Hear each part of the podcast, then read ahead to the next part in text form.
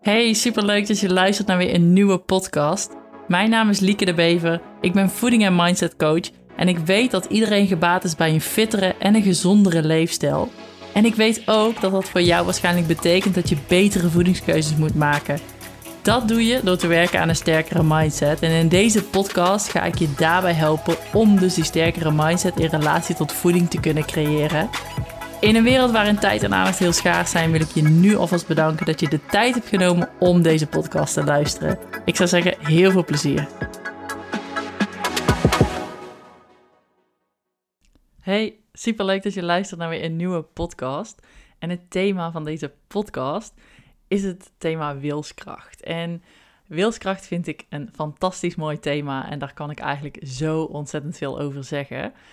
En vandaag is wilskracht in het thema, of in het licht eigenlijk, van het feit dat het misschien wel eens je allergrootste valkuil is, omdat je er te goed in bent geworden, omdat je over te veel wilskracht beschikt. En dat is natuurlijk gek, want als we denken aan wilskracht, dan wordt dat vaak in relatie tot een gezonde leefstijl of in relatie tot goede eetkeuzes maken, eigenlijk gezien vanuit het licht dat je dus niet over voldoende wilskracht beschikt. Want zoals de meesten dan zeggen, ja, het ontbrak me op dat moment aan de wilskracht om nog de verleiding te kunnen weerstaan. Weet je, ik ben zwak geweest, ik heb toegegeven. En het ontbrak me echt ja, aan die wilskracht die ik eigenlijk zo graag wil en die me eigenlijk normaal eigenlijk wel heel goed afgaat. En weet je, dat is een beetje de associatie die we hebben met wilskracht op het moment dat we dat dus in verband brengen met gezond eten. Alleen wat ik eigenlijk tegenwoordig steeds meer zie, en eigenlijk ook bij een heel groot deel van de klanten waar ik mee werk, of die met mij werken, moet ik eigenlijk zeggen, dan is wilskracht eigenlijk vanuit het perspectief van dat het je in de weg zit. Omdat wilskracht jouw allergrootste kracht is. En dat herken ik zelf ook. Weet je, dat is de topsport. De topsport is dingen op wilskracht doen. Dat is discipline tonen, dat is eigenlijk niet kiezen op basis van emotie of zin of weet je, of, of je in de juiste flow zit. Nee, dat is zorgen dat je in de juiste flow komt uh, door gewoon gedisciplineerd de juiste dingen te blijven doen en je niet te veel te laten sturen door externe factoren of alles wat maar invloed kan hebben op uh, jouw zin en motivatie of iets uh, om iets te gaan doen. Nee, er is gewoon heel erg vaste kaders, vaste richtlijnen. Nou, en die moet je gewoon opvolgen, weet je? zin of geen zin. En dat is natuurlijk iets waar ik mezelf jaren in heb begeven. En dat heeft mijn discipline ook zeker enorm getraind. Weet je, het heeft mij gemaakt tot wie ik ben. En het heeft er ook voor gezorgd dat ik op heel veel vlakken onwijs veel dingen voor elkaar heb gekregen. Want laten we wel wezen, een gezonde portie discipline en wilskracht werkt zeker in je voordeel. Juist het gebrek aan discipline um, zorgt ervoor dat mensen vaker in de problemen komen dan dat ze zouden willen. Weet je, toch niet helemaal dat misschien wel uit het leven weten te halen. Wat ze wel dromen of zichzelf voornemen. Maar waarin het allemaal net niet gebeurt, zeg maar. En ja, ik geloof er dus in dat een gezonde portie discipline echt noodzakelijk is. En dat iedereen daarover zou mogen beschikken. En ik heb dat ook gelezen in het boek van James Clear over um, elementaire gewoontes. Dat een beetje discipline trainen en discipline creëren voor je gewoontes. En weet je, dingen op routine blijven doen, dat vraagt ook om discipline. Alleen dat zijn uiteindelijk de mensen die ook op heel veel vlakken uiteindelijk het meest succesvol zijn, om het zo maar even te noemen. En dan zonder daar een waarde aan te koppelen van wat succesvol dan precies betekent. Maar discipline en dingen op discipline doen maakt heel veel andere dingen ook een heel stuk gemakkelijker, omdat je heel veel minder discussies aan het voeren bent. Want je gaat niet jezelf afvragen en, en wikken en wegen met jezelf of je dingen gaat doen. Nee, je doet dingen gewoon. En dat kost een hele hoop minder headspace om over die dingen na te hoeven denken. Dus ja, discipline is echt wel een heel goed iets. En ik hoorde daar ook een keer een mooie uitspraak over van iemand die zei, misschien was dat ook wel uit dat boek trouwens, van um, als je niet, als je ouders je geen discipline hadden bijgebracht, dan zou je waarschijnlijk nu niet staan waar je nu staat. Omdat als het van jouw zin af had gehangen of je naar school zou gaan of niet, nou, dan gaat geen één tiener of puber uh, zijn tijd lopen verdoen op de middelbare school. Snap je? Dan zouden we allemaal wel liever wat anders doen. Maar waar zou je dan staan? En waar zou dat je uiteindelijk gebracht hebben? En dat vond ik eigenlijk wel een heel treffend voorbeeld ook. Dat ik dacht, ja, dat zijn de dingen die we zeker niet op onze zin deden. Maar die uiteindelijk wel best wel een belangrijk fundament leggen. En dat wil nog niet zeggen dat je ook in die richting uh, je vervolg bent gaan doen. Of, of echt iets met, daadwerkelijk met je studie. Maar het brengt je iets bij over normen en waarden, uh, hoe we met elkaar omgaan, weet je. Het legt een, basis voor je kennis, voor ja, op basis waarvan je vervolgkennis ook op kunt doen. Dus het doet zo ontzettend veel natuurlijk. En ja, dat doe je dus op discipline ook. Want dat moet, dat, dat hangt vast aan bepaalde regels en dan wordt dat van je verwacht. En jij wordt vooral op een bepaalde plaats en tijd verwacht. Dus nogmaals, discipline is iets onwijs goeds. En discipline, daar kunnen heel veel mooie dingen ontstaan. En nogmaals, ik denk dus echt dat je met discipline een streepje voor hebt op mensen waar het ontbreekt aan discipline. Um, en ja, waarin discipline eigenlijk je steeds de das om doet. Want dat is een veel lastigere situatie dan dat je eigenlijk over te veel discipline beschikt. Maar, nu komt het. Een heel groot deel van de mensen waar ik mee werk, die beschikken over te veel discipline. En ik herken dat natuurlijk, want discipline is dingen doen op je daadkracht, op wilskracht, op niet naar je gevoel en je vrouwelijke energie, zoals het dan heet. Uh, een woord waar ik tot voor kort, of eigenlijk recent, nog een hele irritatie rondomheen had. Of een beetje ja, doorgetriggerd werd, als het ware. Om dat is natuurlijk ook niet voor niks. Op het moment dat je ergens door getriggerd werd, dan is dat ook iets wat je je constant uh, in je beeld hebt of zo. Of waar je dus de hele tijd mee geconfronteerd wordt. Waar je natuurlijk zelf wat mee mag. Ik bedoel, zo, uh, zo ver ben ik inmiddels ook wel. Dat dat uh, niet per ongeluk en niet per toeval dan op je pad komt. Maar discipline is dus niet op vrouwelijke energie. Discipline is op mannelijke energie. Discipline is presteren, is nou, daadkracht. Discipline is uit je comfortzone gaan, uh, bang zijn en het toch doen. Weet je, dat, dat is discipline en, en dat is volledig mannelijk. En daar hebben we als vrouwen dus zeker wel wat aan. Maar op het moment dat dat je grootste kracht is en dat je eigenlijk heel veel op discipline doet, waar ik zeker ook mezelf in herkende, dan ga je eigenlijk ook structureel wel over je eigen grenzen heen. En dat is niet per definitie dat dat extreem negatief is, als in, weet je, je, je loopt jezelf constant veel te hard voorbij.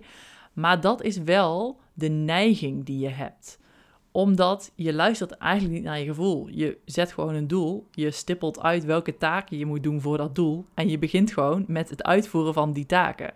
Zonder daarbij te luisteren naar, weet je, hoe zit mijn lichaam uh, erin? Weet je, hoe zit ik er mentaal en emotioneel in? Nee, dat doet er niet toe. Op de dagen dat je het lastiger hebt, uh, dan zet je wel een tandje bij om toch maar zeker aan jezelf te bevestigen dat je over voldoende discipline beschikt. En hele grote kans dat je, net zoals ik zelf, ook nog eens dat soort mensen volgt online en die eigenlijk in je directe omgeving, om het zo maar even te noemen, ook al is het social media, hebt, waardoor je steeds getriggerd en geïnspireerd wordt. En daar krijg je dat dus alleen maar ook nog uit bevestigd. En dan heb ik het even over van die account met allerlei quotes, als bijvoorbeeld, weet je, work hard, play hard, um, nothing worthwhile comes easy. En alleen maar van dat soort teksten, waarbij je eigenlijk aangezet wordt van, weet je, alleen als er uh, hard gezweet is, zeg maar, dan is het resultaat er ook naar. En daarmee hou je dat cirkeltje natuurlijk eens voor jezelf ook in stand. Dat is de enige causale relatie die jij kent. Van als er maar hard gewerkt wordt, als er maar hard gebeukt wordt, dan is er resultaat en dan mag ik trots zijn. Want zelfs als dat resultaat zou komen voor niets, dan leg jij de relatie, hey, maar daar heb ik niet hard voor gewerkt, dus dan is het eigenlijk dat niet waard. En dat is eigenlijk een hele gevaarlijke relatie, of ook een hele gevaarlijke overtuiging die je dan langzaam aan het creëren bent, omdat dat ook de enige manier is die je eigenlijk zelf kent. Maar die overtuiging die maakt dus ook dat je enkel dat patroon in stand houdt. Weet je, dat je, je kent enkel die manier. En daar zijn dus best wel wat vrouwen die ik daarbij help, die zichzelf op een bepaald punt tegenkomen. En sterker nog, eigenlijk is dit wat ik massaal zie gebeuren ook um, als we het hebben over de relatie met eten. dat uiteindelijk het hele thema wilskracht je de das omdoet. En ik ga je uitleggen hoe dat precies zit. En of dat dus mogelijk uh, ook voor jou geldt. Of mogelijk herken je dit, uh, dit patroon of dit verhaal dus eigenlijk wel. Want op wilskracht dingen doen, nogmaals, is eigenlijk echt fantastisch. Alleen op wilskracht dingen doen is ook dus totaal niet naar je lijf luisteren. En wat ik dus veel zie is dat we op het moment dat we ons eetgedrag eigenlijk niet onder controle lijken te hebben. Of dat we toch meer snoepen of snacken eh, dan we onszelf voorgenomen hadden. Wat bijvoorbeeld niet in lijn is met dat doel wat je jezelf gesteld hebt. Dan zijn we heel erg geneigd om nog meer wilskracht uit de kast te gaan trekken. Om dat vervolgens wel voor elkaar te krijgen. En wat gebeurt er dan? Dan gaan we op zoek naar methodes, restricties, uh, prachtige beloftes van als je dit niet meer eet, dan gebeurt er dit, weet je. Daardoor worden mensen zo gevoelig uh, voor alle diëten en hypen en methodes en alles wat daaromheen uh, hangt of die naam mag krijgen. Want daarin worden dat soort beloftes gedaan. Als je geen koolhydraten meer eet, dan val je dit af. Als je geen suikers meer eet, dan gebeurt er dit. Als je gaat intermittent vasten, dan kun je dit en dit en dit allemaal verwachten. Als je dit doet, weet je, en dat gaat eigenlijk nog heel veel verder ook dan alleen maar op gebied van voeding. Ik bedoel, hier uh, draait de hele uh, marketing en, en alle industrieën draaien hier eigenlijk omheen natuurlijk. Door jou het gevoel te geven van als je dit koopt of als je dit doet, dan is het resultaat nog veel beter dan wat je nu hebt. En daar wordt dus echt gretig op ingespeeld. En jij hebt dus ook dat denk je in ieder geval, behoefte aan die regels of die restricties. Want, oh jee, als je het toch eens los zou laten, weet je, dan, dan komt het helemaal niet goed. En dan raak je alleen maar verder van je doel verwijderd. En dan, dan is het hek van de dam. Dus ga je op zoek naar regels en restricties die jouw gedrag eigenlijk inperken. En dan kun je dat weer lekker op jouw kracht, kun je dat weer uit gaan voeren, want wilskracht en discipline. En dan lukt dat, want je weet exact van oké, dit mag ik dan wel eten, dit mag ik dan niet eten, weet je. Hier uh, heb ik houvast aan en ik hoef er verder ook niet te veel bij na te denken. Ik hoef het alleen maar te doen. Nou, fantastisch. Maar wat zie ik dan natuurlijk om de haverklap gebeuren? En niet alleen uh, bij de vrouwen die ik help, maar eigenlijk natuurlijk over de hele breedte van de voedingsindustrie. Is dat we dat prima een tijdje volhouden op wilskracht en op doorzettingsvermogen maar vervolgens wordt het pas interessant natuurlijk. En dat is uiteindelijk als je het zo benoemt als bijvoorbeeld het hele yo-yo-patroon, weet je. Dat is natuurlijk één groot wilskrachtfeest en vervolgens weer falen en, en in je oude patronen vallen omdat de wilskracht eigenlijk op is.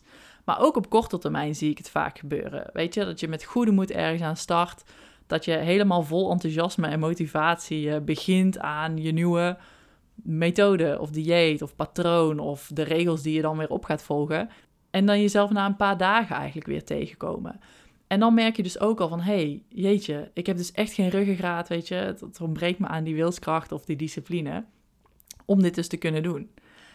Maar waar ik tegelijkertijd ook de sleutel zie waarom we massaal falen of waarom we dus denken dat het ons ontbreekt aan de wilskracht, is omdat je te veel dingen in je leven op wilskracht doet. En het heeft mij ook een tijdje gekost om dat te beseffen en om dat echt te doorvoelen, zeg maar.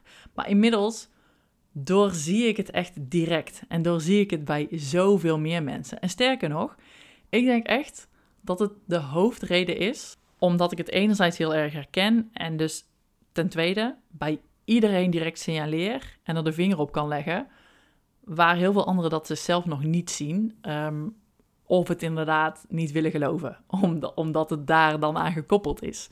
En hoe zie ik dat dan? Of hoe leg ik daar de vinger op? Dat zie ik door hoe de hele maatschappij op dit moment is. Het feit dat we zoveel meer op social media uh, zijn gaan doen en kijken en volgen. En dat we steeds meer tijd op onze telefoon spenderen.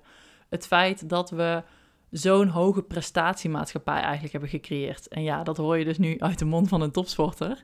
Maar dat alles eigenlijk in deze maatschappij steeds meer draait om prestatie. Um, zeker ook nog een beetje afhankelijk van in welke beroepssferen jij je omgeeft of in welke branches je zit. Um, denk maar even natuurlijk aan de hele de Zuidas of weet je, advocaat, rechter. Nou, die hele branches um, hebben daar ook heel veel mee te maken. En als je je daarin begeeft, dan weet je dus dat het gaat om je beste zelf zijn, eh, beter worden, weet je, altijd groei nastreven en, en altijd de beste versie van jezelf naar de tafel brengen, om het zo even te zeggen. Er, er kan geen moment zijn dat je even niet je allerbeste bent. En altijd naar hoge maatstaven moeten presteren en eigenlijk die druk voelen. En die is natuurlijk ook heel erg vergelijkbaar hè, met de topsport. Want iedere wedstrijd is daarin een soort van meetmoment. En zo kun je dat op je werk bijvoorbeeld ook ervaren. Dat ieder moment dat een presentatie of, of een belangrijke meeting, weet je, dan is het een soort van showtime. Dan moet jij jezelf laten zien. En er is geen moment om zwak te zijn of te mogen of te kunnen zijn. Tenminste ook niet omdat je dat niet kent en niet wilt kennen. Maar dat is dus een deel pas. Want daarnaast is inderdaad social media, uh, living your best life, uh, naar de buitenwereld laten zien dat het goed gaat, weet je. Steeds minder verbinding eigenlijk met de mensen om me heen en steeds meer ieder voor zich um, van alles nastreven. Een heel erg een maatschappij die steeds meer draait om consumeren en meer, beter, groter, sneller, sneller vervangen door nog weer iets beters en daar ook deels ons geluk aan koppelen. En we zijn steeds sneller verveeld van een basis waar ze vroeger en je ouders of weet je, je voorouders en zo natuurlijk met veel minder deden dan wat wij nu doen.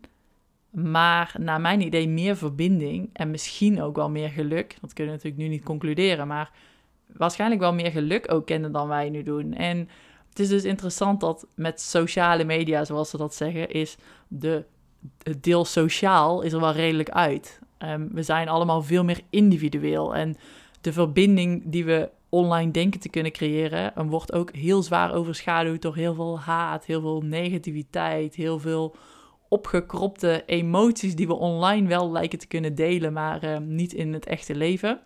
Ik heb ook een laatst een podcast geluisterd over iemand die zei van racisme online wordt op dit moment op zo'n grote schaal uitgevoerd, omdat er geen real-life consequences aan vastzitten.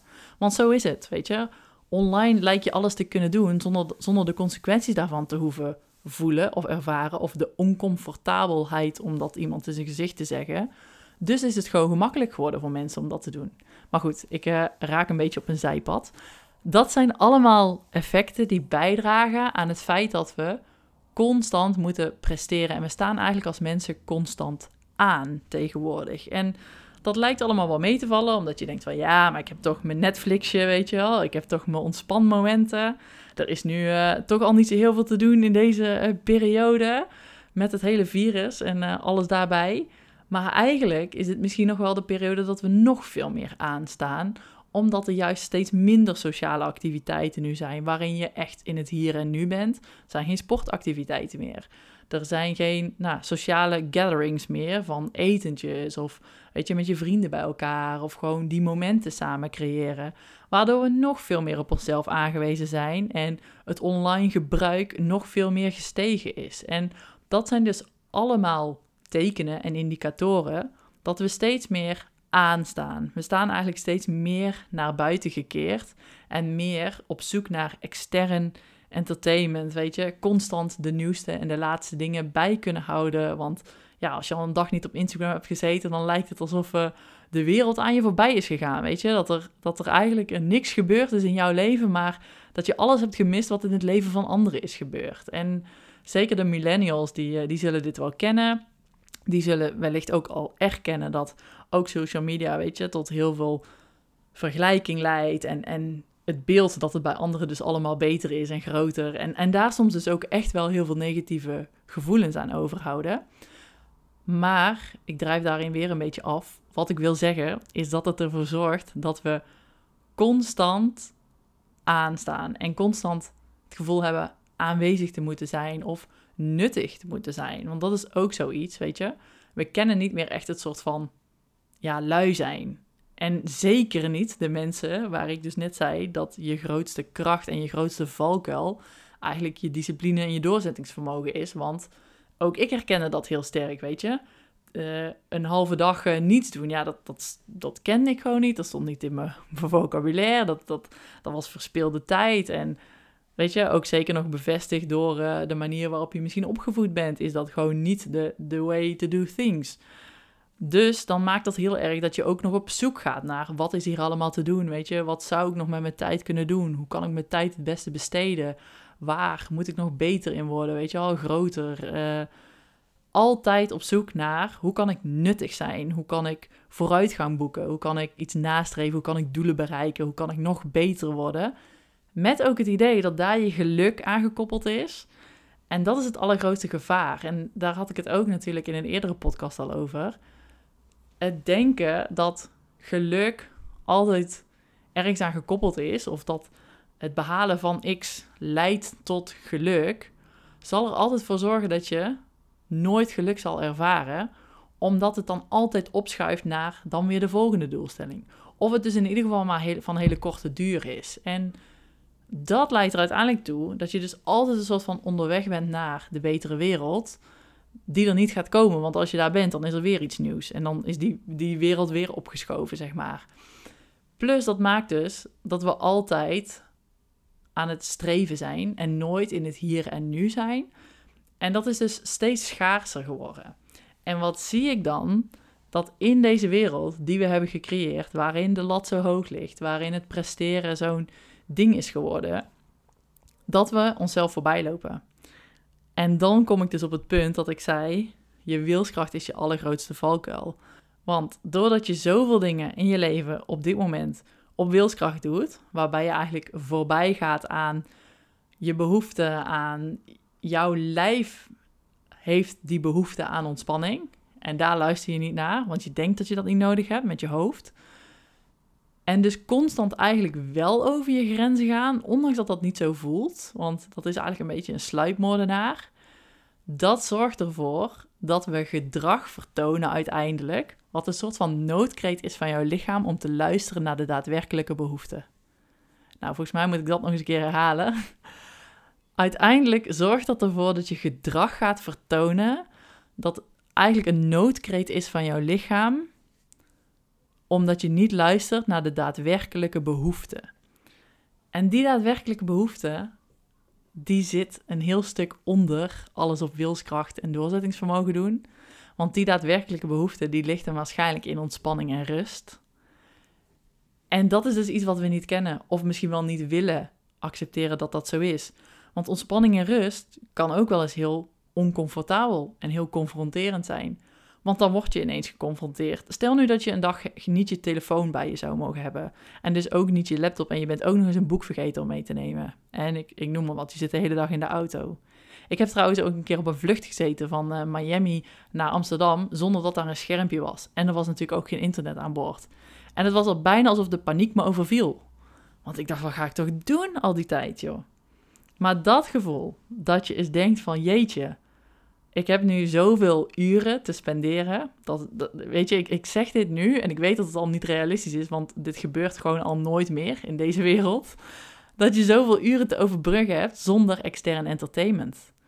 Dan worden we naar, weet je, dan word je oncomfortabel. Dan denk je van jeetje, die verveling slaat je dan toe, omdat je die soort van directe dopamine high mist van instant op je telefoon kunnen kijken.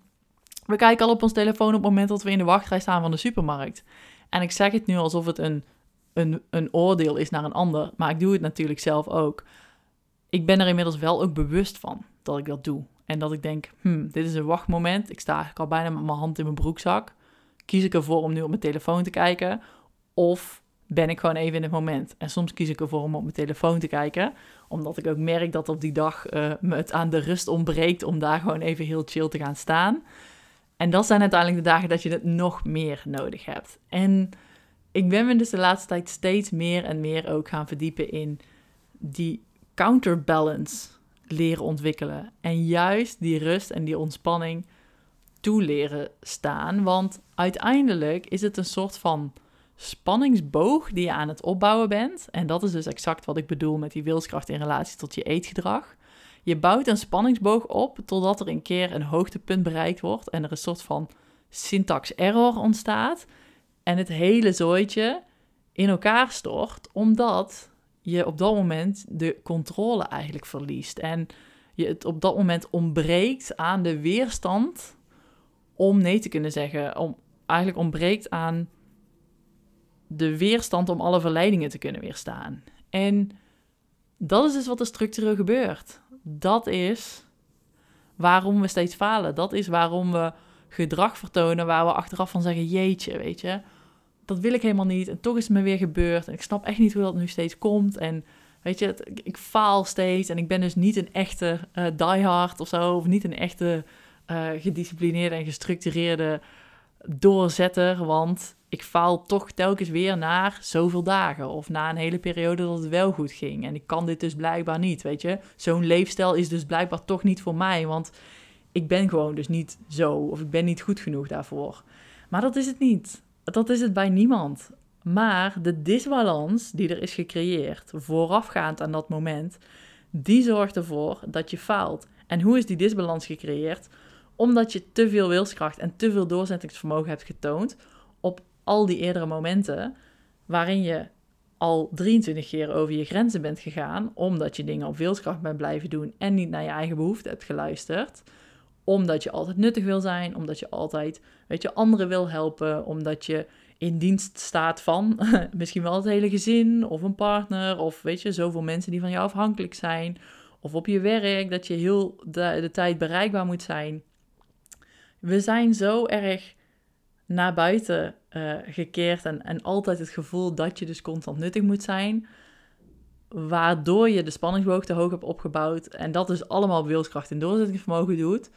Waarna er een keer gewoon jouw lichaam zegt van tot hier, weet je. Het is op, het, het kan niet meer. En dat kun je misschien zelf ook nog wel eens zo ervaren. Omdat je dan zegt van jeetje, weet je, ik wilde gewoon even helemaal niks. Ik wilde even met niets of niemand te maken hebben en ik wilde gewoon even wat eten. En achteraf kan ik misschien wel willen dat ik dat niet wilde. Maar op dat moment is dat gewoon wat ik echt wilde. En heb ik aan die behoefte voorzien. Ja, en achteraf blijkt dat dan toch weer niet het juiste te zijn, want nu ben ik er weer niet blij mee. Maar waarom ontstaat die behoefte in de eerste plaats? En dat is een superbelangrijke vraag die ik altijd stel en die ik altijd ook wil doorgronden. Want wat maakt nu dat die behoefte daar zo ontstond? Weet je, wat heeft daartoe geleid? Welke acties daarvoor hebben dat veroorzaakt? En dan ga je dus kijken naar een patroon, weet je. En een patroon dat veel breder is dan alleen maar leefstijl. Want het boeit mij niet of je een dieet aan het volgen bent en daardoor eh, voor de bel gaat, of veel te weinig calorieën of geen koolhydraten meer aan het eten bent. Nee, dat zijn allemaal side effects. Maar in de basis gebeurt er iets anders waardoor je wilskracht opraakt. En dat is een veel interessanter patroon om naar te gaan kijken, want dat is een, een veel fundamenteler patroon en een veel grotere fout die zich blijft herhalen op het moment dat je daar natuurlijk niks mee doet. Want eten en je eetgedrag is slechts een gevolg daarvan. Het is, ik zeg ook wel eens, eten is een kopingsmechanisme. Eten is een manier om te dealen met dingen die er plaatsvinden in jouw leven. En weet je, daar zoeken we uitwegen voor. Dat is gewoon zo. Dan ontstaan er verslavingen. Dan, weet je, ontstaan er verslavingen eigenlijk op alle vlakken natuurlijk. Maar we denken dan, als het voor jou op het gebied van eten eigenlijk zijn uitweg vindt, dat dat dan natuurlijk het slechtste is, weet je. Maar iemand uh, die verslaafd is aan drugs, die zal denken, ja, ik zou willen dat ik ging eten. Zo is het natuurlijk ook altijd wel weer. Maar eten is een manier om te dealen met een disbalans op een ander vlak. En die disbalans, daar moet je dus wat aan doen. En je moet niet dat eten gaan tackelen met nog meer regels en restricties. Want wat doe je dan? Dan voer je die disbalans, die dus al is ontstaan door een teveel aan wilskracht en dingen op doorzettingsvermogen doen, die voed je nog eens met nog extra wilskracht moeten gaan tonen op een ander vlak, omdat je denkt dat het daar dan wel aan zou liggen. Nou, en dan is het cirkeltje natuurlijk rond, want dan voeg je de fout bovenop dat waar het fout gaat. En dan gaat het natuurlijk nog harder fout. Of dan ga je natuurlijk nog vaker eigenlijk falen. Maar toch zien we dat zelf niet. Want we denken echt enkel dat het komt door te weinig wilskracht en te weinig doorzettingsvermogen, weet je. En dat is dus super interessant. En nogmaals, weet je, dat heeft mij ook een hele tijd gekost om dat uit te gaan vinden. Dat bepaalde dingen niet werken. Dat bijvoorbeeld je gemoedstoestand, om het maar even zo te noemen. Dat is niet iets wat je op wilskracht en doorzettingsvermogen hoog kunt houden. Dat zou ik wel willen, dan zou ik waarschijnlijk ook heel goed in zijn. Maar ik merkte dus al een tijdje dat er een bepaalde cyclus plaatsvond, waarin ik heel lang een hele positieve gemoedstoestand vol kon houden of vast kon houden. Of dat ook voeden door bijvoorbeeld dingen op te zoeken die je adrenaline geven, weet je. Die, die echt in die soort van flow houden. Waarna ik ook wel eens dan echt een dip ervaren van ofwel één dag ofwel een paar dagen. En dat ik daar maar niet uit leek te komen. En dat was ook de dagen dat ik dan wel negen uur aan een stuk zeg maar, onafgebroken kon slapen en alsnog moe wakker werd. En ik dacht, dit zijn toch wel interessante patronen, hè? En op die dagen dat ik dan zo hoog in mijn energie zat en, en hoog in mijn gemoedstoestand en dat ik dacht van nou, ik kan de hele wereld aan, weet je dan maakte ik daar natuurlijk ook nog eens extreem veel gebruik van. Want dan dacht ik, oh, maar dan kan ik vandaag ook nog wel dit en dit en dit en dit doen. Want ik zit zo goed in mijn energie, weet je. Dan uh, pak ik nu mijn kans, want voordat ik het weet, uh, is het straks ook weer een keer anders. En is het weer afgelopen. En donder ik weer heel eventjes in dat dal waarin ik echt een soort van bij moet komen of zo. Nou, en dat is natuurlijk ook een extreem goed voorbeeld daarvan. Omdat dat dus exact is waar ik het bij mezelf herkende. Dat ik dacht, oh een soort van meevaren op dat wat ik zie en voel gebeuren. En dat dan dus eigenlijk voeden. En zelf niet de regie nemen over de balans die ik zelf te regelen heb. Want dit is een complete disbalans die ik zelf veroorzaak. Ik sta aan het roer van mijn eigen disbalans op dat vlak. En weet je, ook dat overkom ik wel, want het zijn allemaal geen, uh, geen dramatische dingen. En weet je, ja, dan, dan is dat dus maar even zo dat ik een dag heel moe ben. En ja, dan, dan ben ik daar ook nog wel eens een keer oké mee, want ik heb daarvoor dan toch wel geknald. Maar het hoeft niet. En bij mij uit het zich dan misschien in vermoeidheid. En kan ik dat dan ook nog wel rationaliseren. Dat ik denk, nou, ik weet wel wat er aan de hand is. Dus inmiddels, uh, daar hoef ik niet wat voor te eten om mijn energie terug te krijgen. Want ik, ik snap heus wel dat de link is gekoppeld aan dat ik hiervoor best wel hard ben gegaan, zeg maar. Alleen bij een ander uitzicht dat dus wel in eetgedrag. Of uitzicht dat dus in andere vormen van escape gedrag eigenlijk vinden. En zo noem ik dat ook, weet je. Het is een uitweg van. Het is een noodkreet letterlijk van je lichaam als er is hier overduidelijk veel te hard, zeg maar, over een lijn gegaan. Of te lang in ieder geval. Waardoor die disbalans hersteld gaat worden. En dat, dat zorgt je lichaam wel voor. Want ons lichaam is zoveel sterker en krachtiger dan dat jij met je mind uiteindelijk bent. Althans, je bent met je mind natuurlijk heel krachtig, maar je moet het wel goed gaan gebruiken, want anders regelt je lichaam wel dat je het goed gaat gebruiken. En dat zijn dus de momenten dat jij keuzes gaat maken, omdat je lichaam dat aangeeft, die je uiteindelijk achteraf niet in lijn zijn met uh, wat je mind jou vertelt of wat je eigenlijk het liefst had gedaan. Maar dan trekt je lichaam wel, je lichaam wel aan de noodrem, weet je. Die wil dan gewoon dat er daar op dat moment wel een keer geluisterd wordt naar de behoeften die het eigenlijk heeft. En dan zie je dus dat dit soort gedrag ontstaat. En dat was echt um, een mooie, ja, mooie bewustwording die ik een hele tijd geleden dus al, uh, al wel heb gekregen. En vervolgens eh, zag ik die natuurlijk ook weer overal uh, bevestigd worden als het ware. En in mijn traject met mijn eigen coach um, kreeg ik dit ook terug. Dat hij ook noemde van, hey, weet je, er zijn gewoon een aantal patronen die er ontstaan. Omdat je structureel te hard gaat of te hard wilt gaan. En dat allemaal gewoon op wilskracht en doorzettingsvermogen voor elkaar beukt. Want dat is wat jij kent uit je verleden. Want nogmaals, al dit soort dingen, daarin komt ons verleden en de manier waarop je opgevoed bent, um, de overtuigingen die je hebt meegekregen. Eigenlijk dat wat je kent uit het verleden, dat komt gewoon uitvergroot uh, tot zijn recht. En dat is de manier hoe je vervolgens dingen gaat doen. Want dat is ook de enige manier die je kent. En vaak wordt het ook nog eens gevoed door de omgeving natuurlijk waar je je in bevindt. Want nogmaals, wat ik daar eerder ook noemde, uh, bevind je op de Zuidas, weet je. Nou, dan zie je het ook alleen nog maar om je heen dat het op die manier gedaan wordt. En dan moet je ook voldoen aan de soort van standaard die gezet is door de maatschappij die daar live zeg maar, zichzelf uh, voortbeweegt. Dus daar ben jij onderdeel van. En dan kun je al helemaal niet een soort van uit de band springen. Want dat kan gewoon niet. En dat is dus ook enkel de manier die je daar bevestigd krijgt van... dit is hoe dit gaat en dit is waar jij naar te presteren hebt, zeg maar. En dat zijn uiteindelijk allemaal dingen die jou bevestigen op de manier waarop je dus dingen doet... maar je uiteindelijk dus verder verwijderd laten raken van die balans of van de keuzes die je eigenlijk te maken hebt. En voeding is daarin ook een heel belangrijk onderdeel. Want ook voeding, weet je, is de manier hoe je opgevoed bent. Voeding is ook gebaseerd op heel veel overtuigingen die je hebt en die je jezelf mogelijk hebt aangeleerd, of die ook vanuit je jeugd of vanuit je opvoeding meegegeven zijn. De manier uh, waarop je vroeger opgevoed bent met eten, weet je. Op welke manieren eten voor jou toegepast werd ook, weet je. Ehm, was er iets om uh, getroost te worden en, en kreeg je dan altijd wat lekkers te eten? Was eten dat ook wat er bij jou thuis op tafel kwam het moment van gezelligheid, weet je? Was er altijd heel veel overdadig eten aanwezig? Uh, werd er misschien wel niet gepraat bij jou thuis en, en werd dat met eten opgelost? Er zijn zoveel dingen waarin eten vanuit vroeger al een bepaalde rol uh, heeft gespeeld. En daarin dus nu ook mogelijk zijn stempel drukt op de manier hoe jij dus met eten omgaat. Of de relatie die je eigenlijk met eten hebt of hebt ontwikkeld. En dat is best hardnekkig en dat is lastig. En dat is ook heel lastig te doorbreken. Alleen bewustwording daarvan is uiteindelijk wel cruciaal. En weten dus ook dat voeding zoveel breder is dan alleen maar wat ga ik hier vandaag eten en is dat wel gezond? Nee, dat wordt gevoed door allerlei dingen die je hebt geleerd. En nogmaals, dus ook uit je opvoeding en je overtuigingen, uh, maar ook de omgeving waar je je in bevindt. Weet je, wat eten ze bij jou uh, op je kantoor, op het moment dat je nog uh, op kantoor werkt of hebt gewerkt? Wat eten ze op je sportclub? Weet je, wat eten je vriendinnen? Wat eten de mensen om je heen?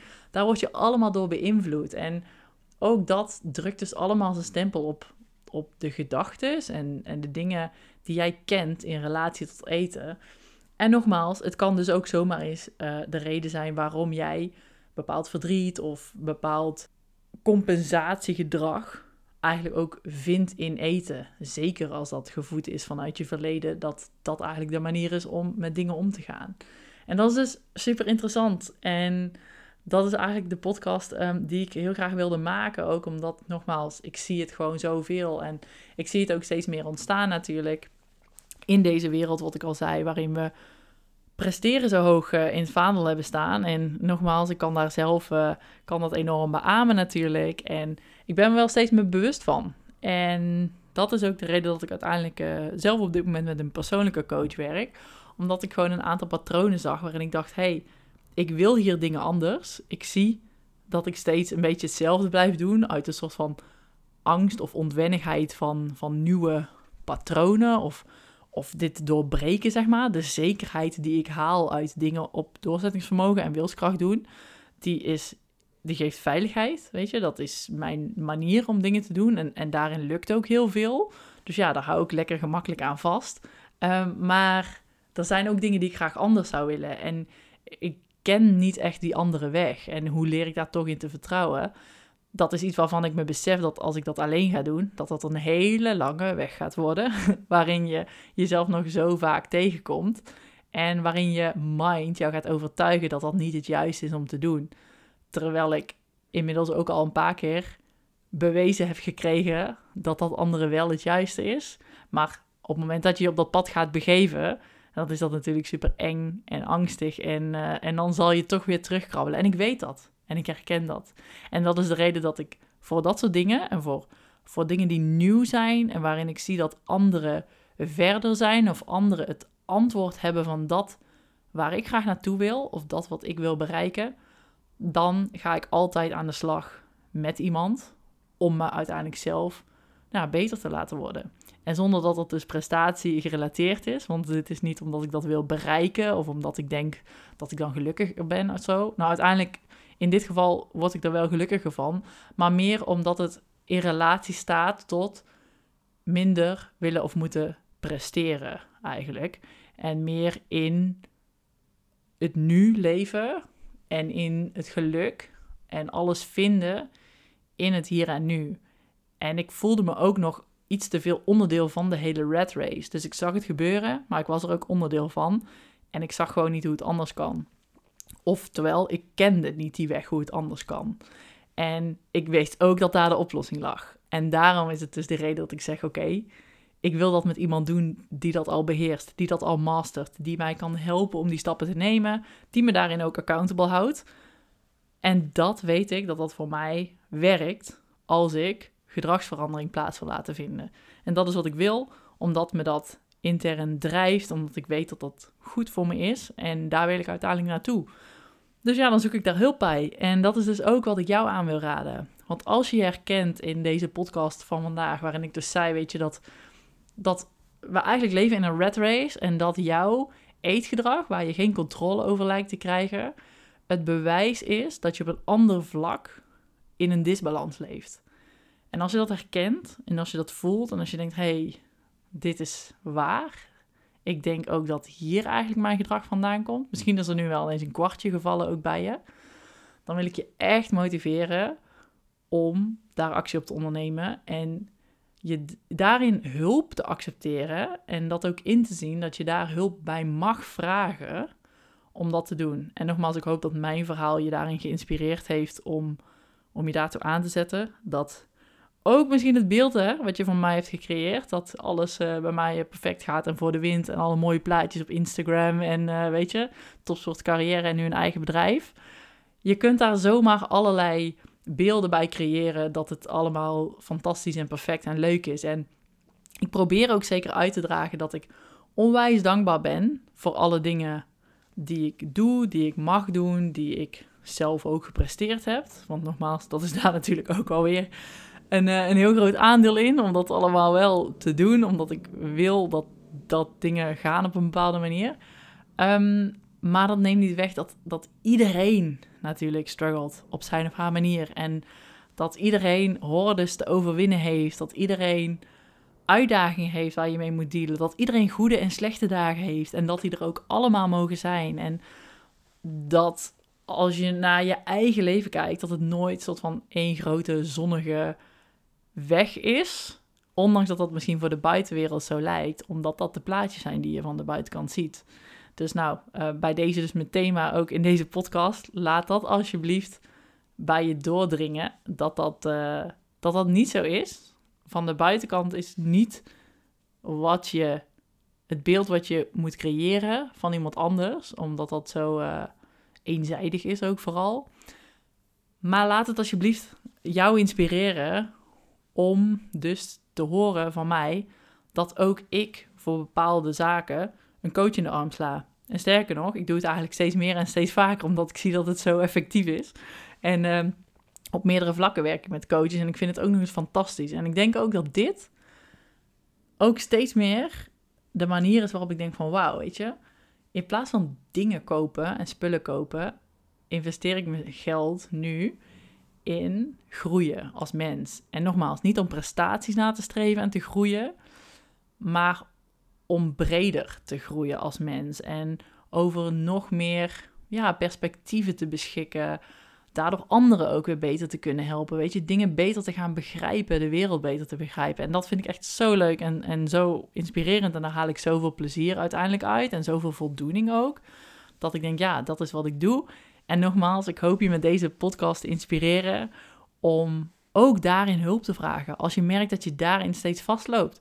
Als je jezelf misschien herkent in iemand die ook heel veel dingen op wilskracht en doorzettingsvermogen doet. En die ook nog eens denkt dat jouw falende eetgedrag, om het zo maar even te noemen, of de reden waarom je steeds voor de bel gaat op het gebied van eten, dat dat te maken heeft met een gebrek aan wilskracht of doorzettingsvermogen. Want waarschijnlijk is jouw wilskracht en jouw doorzettingsvermogen je grootste kracht en daarmee je allergrootste valkuil. Dus laat dat maar even tot je doordringen ook. En weet dus ook dat ik je hierbij uh, zou kunnen helpen als je voelt van... hey, Lieke die snapt het.